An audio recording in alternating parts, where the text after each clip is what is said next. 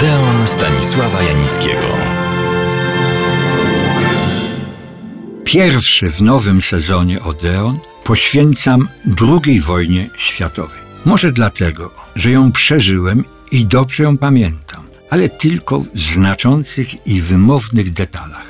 Ale to opowieść na inną okazję. Dzisiaj chciałbym opowiedzieć pokrótce o trzech pierwszych polskich filmach fabularnych, które poświęcone były tej okrutnej wojnie, a których głównymi bohaterami byli Polacy i które zostały zrealizowane w latach 1947-49.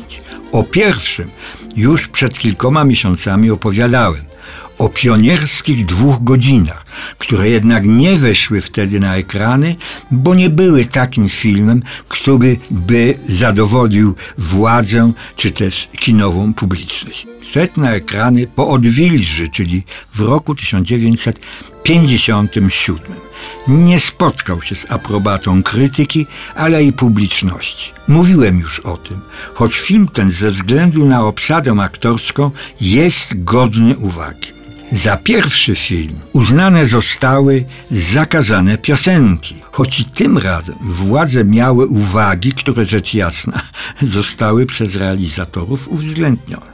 Ale o tym za chwilę. Pozwolę sobie przypomnieć, szczególnie młodym widzom, że krąży on ciągle jeszcze po ekranach najczęściej z okazji rocznicy wypędzenia hitlerowców z Warszawy. Najpierw przypomnę widzom starszym oraz zapoznam z jej podstawową treścią młode pokolenie. W założeniu miała to być luźno-dramaturgicznie związana antologia kilkunastu piosenek okupacyjnych. W trakcie ich realizacji film obrósł jednak w postacie i zdarzenia – stał się w ten sposób pierwszym polskim powojennym filmem fabularnym.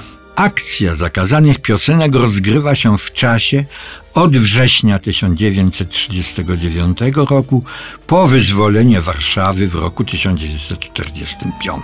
Muzyk Roman Tokarski, opowiada historię okupacji i swoje przeżycia młodemu żołnierzowi, polskiemu repatriantowi z Anglii. Roman zorganizował uliczną orkiestrę. Wraz z siostrą Haliną i kolegami byli też członkami organizacji podziemnej. Przewozili broń i nielegalne wydawnictwa, brali udział w akcjach dywersyjnych i bojowych, walczyli w powstaniu warszawskim i w partyzance. W czasie jednej z akcji zginął ukochany Haliny Ryszard. Losy głównych bohaterów uzupełniają wątki tchórzliwego muzyka cieślaka, ukrywającego się Żyda, niemieckiej konfidentki, ale prawdziwym bohaterem filmu są autentyczne piosenki okupacyjne, które, jak pisała prasa, podnosiły ludność na duchu, pomagały przetrwać trudne chwili zwątpienia i depresji. Na skutek publikowanych i niepublikowanych zarzutów film zdjęto z ekranów, poddano przeróbkom i powtórnie wprowadzono na ekrany jesienią 1948 roku. Zmiany poszły w kierunku urealnienia obrazu okupacji, pogłębienia motywacji postępowania bohaterów i mocniejszego zaakcentowania wyzwolenia Warszawy przez Armię Czerwoną. Zarówno pierwsza, jak i druga wersja filmu cieszyły się ogromnym powodzeniem u publiczności. Zakazane piosenki i jej losy są przykładem na to, że prawda generalna i tak mimo aktualnych politycznych, aberracyjnych ingerencji się przebije i trwać będzie, przepraszam za ten patos, wiecznie. Choć zmieniać się będą ustroje, rządzący aktualnie politycy i publiczność. Ale z widzami można się dogadać, bo chcą zawsze i wszędzie coś interesującego zobaczyć, albo czymś wzruszyć się, czy też pośmiać. A zakazane piosenki oba te warunki spełniają, mimo upływu czasu. Reżyserem zakazanych piosenek był Leonard Buczkowski, ceniony reżyser przedwojenny. Opowiem o nim oddzielnie, bo i przed wojną zrobił kilka bardzo dobrych filmów. Wymienię tylko niektóre. Debiutował w 1929 roku filmem My Szaleńcy. Inny tytuł My Pierwsza Brygada. Niektóre dalsze jego filmy to m.in. Przeniesiona na ekran Wierna rzeka Żeromskiego czy Straszny dwór Moniuszki.